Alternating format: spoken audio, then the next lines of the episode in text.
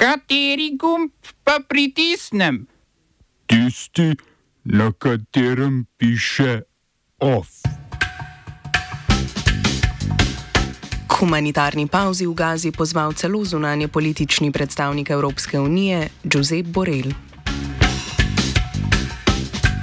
Argentinske predsedniške volitve v drugi krok, na švicarskih volitvah zmaga desnice.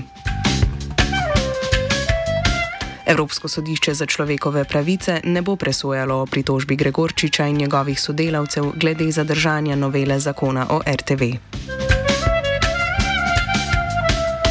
Novi center Rok, skupščina neuporabnic pozvala k bojkotu.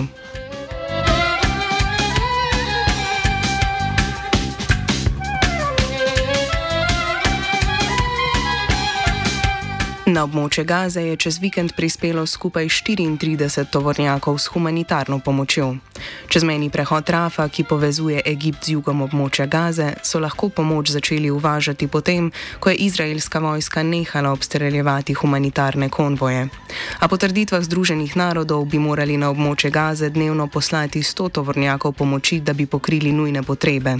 S tem, da zagotovljena pomoč ni dovolj, se je strinjal celo zunanje politični predstavnik Evropske unije. Josep Borrell, ki se je zauzel tudi za humanitarno pauzo. Evropska unija sicer trdno podpira Izrael pri bombardiranju Gaze.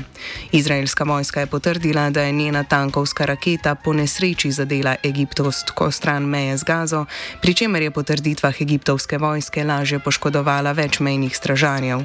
V 24 urah je izraelska vojska z bombardiranjem Gaze ubila 400 ljudi, na zahodnem bregu pa je izvedla racije in v eni noči zaprla 120. 20 palestincev.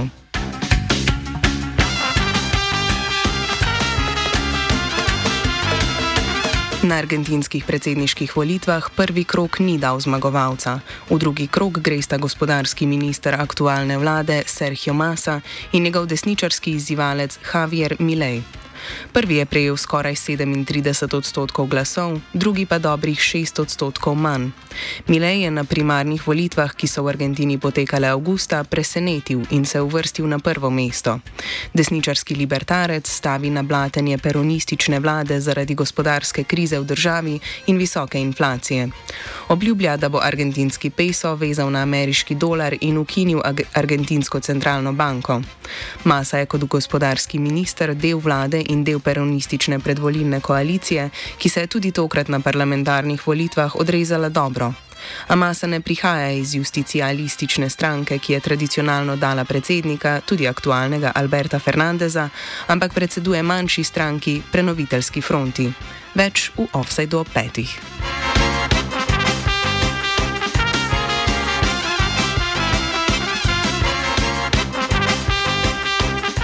Če so v Argentini voljivci za zdaj glasovali proti desničarskemu usponu, je na švicarskih volitvah zmagala prav nacionalistična stranka švicarskega ljudstva.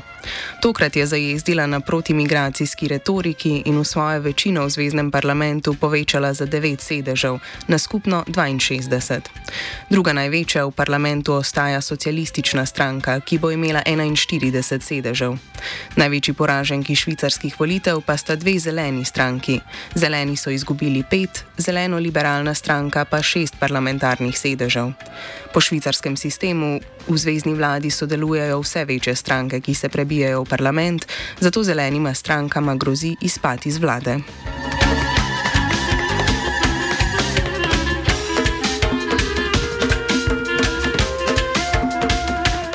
Nazaj v ameriško interesno območje. V ameriškem naftnem gigantu Chevron so naznanili nakup korporacije Hess za 50 milijard evrov. S tem Chevron med drugim prevzema 30-odstotni delež naftnih črpališč v morju Gvajane, kjer sta solastnika še Chevronov ameriški konkurent ExxonMobil in kitajska državna firma CNOOC. Naftno nahajališče, ki so ga odkrili leta 2015, vsebuje za okrog 11 milijard sočkov nafte. Tri firme z dvema ploviloma trenutno načrpajo za 400 tisoč sočkov dnevno, načrtujejo pa tudi do petkratno povečanje črpanja.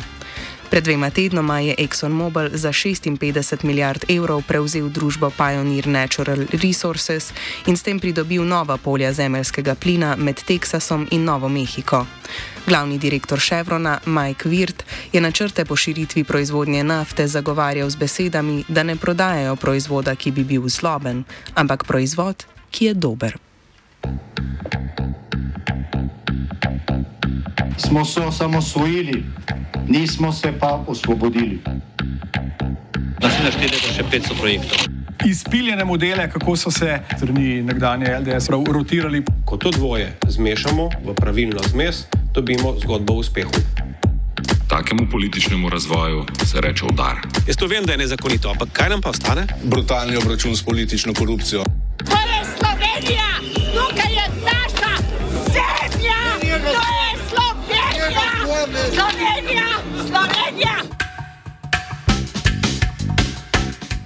Skupščina neuporabnic novo zgrajenega centra Rok je pred otvoritvijo pozvala na protest k bojkotu centra. Z živim obročem, ki ga bodo okrog centra sklenile v četrtek, bodo izrazile nasprotovanje elitizaciji Ljubljane. Kaj je po njihovem namen novega centra, pojasni predstavnik skupščine. Gradnja centra Rog je bila vse skozi načrtovana z namenom pretvorbe neposredne okolice v ekskluzivno območje. Center Rog predstavlja darilo mestnim elitam, predvsem tistim iz županovega kroga. Najprej skozi cenejše gradbene pogodbe, nato skozi višjo ceno nepremičnin in večjim pritokom bogatih potrošnikov, ne na zadnje pa tudi za neposrednim dodeljevanjem površin znotraj javne institucije. Ni na ključe, da je župan na nedavni konferenci v centru Rog garantiral, da so, citiram, vsa stanovanja tu na Trubarjevi dobila 50% na vrednosti. Konec citata. Saj se je gradna javnega projekta dobesedno prelila v obnovo zasebnih nepremičnin njegovih kolegov. Na drugi strani pa za delavce, mlade in študente Center Rog predstavlja le še novo poglavje v dolgi seriji dvigovanja ljubljanskih cen, predvsem najemnin, javnih storitev in vsakodnevnih stroškov.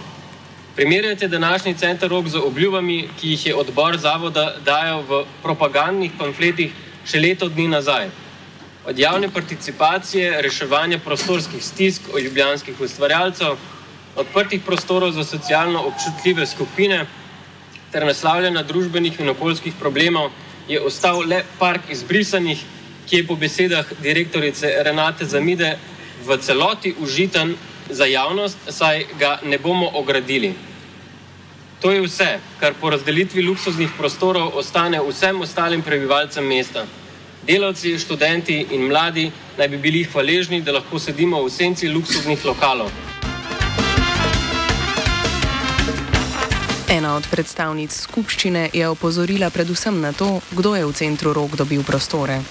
Poleg 20 delovnih studijev in knjižnice bodo v centru prostor dobile trgovine, bari in restauracije. Pri pregledu, kako so se v centru rok delili najbolj prestižni prostori, ugotavljamo, da so prednost dobili ponudniki iz ožjega kroga župana Zorana Jankoviča in vodstva javnega zavoda Center Rok.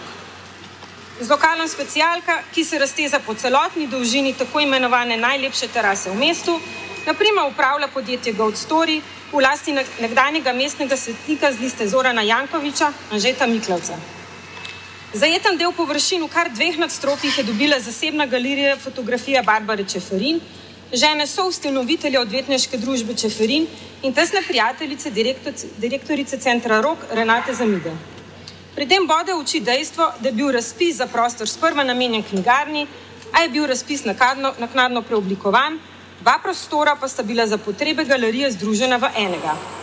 Razlogi za spremembo niso bili nikjer utemeljeni.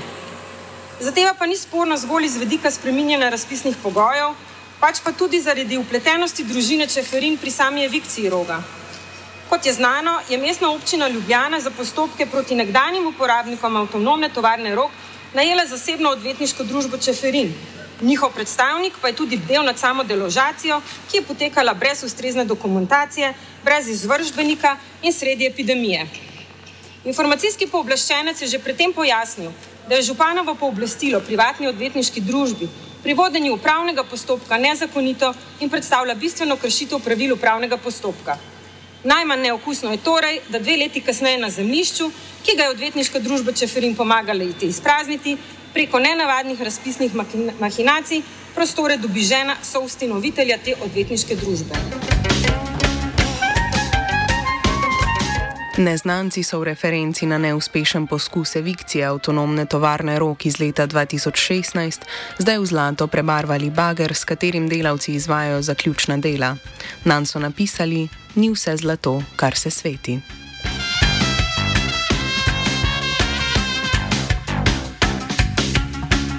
Ljubljanski mestni svetniki danes odločajo o uvedbi sosesk brez prometa. Župan Zoran Jankovič je predlagal razširitev dnevnega reda seje s točko o spremembah odloka o urejanju prometa. V predlogu prometnega odloka je Jankovič pojem soseske opredelil takole: citiramo: Soseska je zaokroženo območje znotraj obstoječega naselja, ki obsega zemljišča pozidana stanovanskimi in drugimi stavbami ter gradbeno-inženirskimi objekti in pripadajočimi površinami potrebnimi za njihovo uporabo ter javne površine med njimi. Po spremenjenem odloku bo lahko občina določila območja za pešce v soseskah, kjer bo veljal režim popolne prepovedi motornega prometa, razen v dostavnem času med 6 in 8 uro. Uporabo dostavnih mest bo občina zaračunala po 122 evrov na leto, 24,40 evra na mesec ali 12,20 evra na teden. Pri uvedbi sosesk brez prometa se občina zgleduje po soseski koseških terasastih blokov, kjer je testno uvedla režim popolno, popolne prometne zapore na površinah za, pe, za pešce. Koseške bloke so za razliko od današnje cestne politike ljubljanske občine zgradili konec 60. in v 70. letih kot zaključeno zeleno sosesko.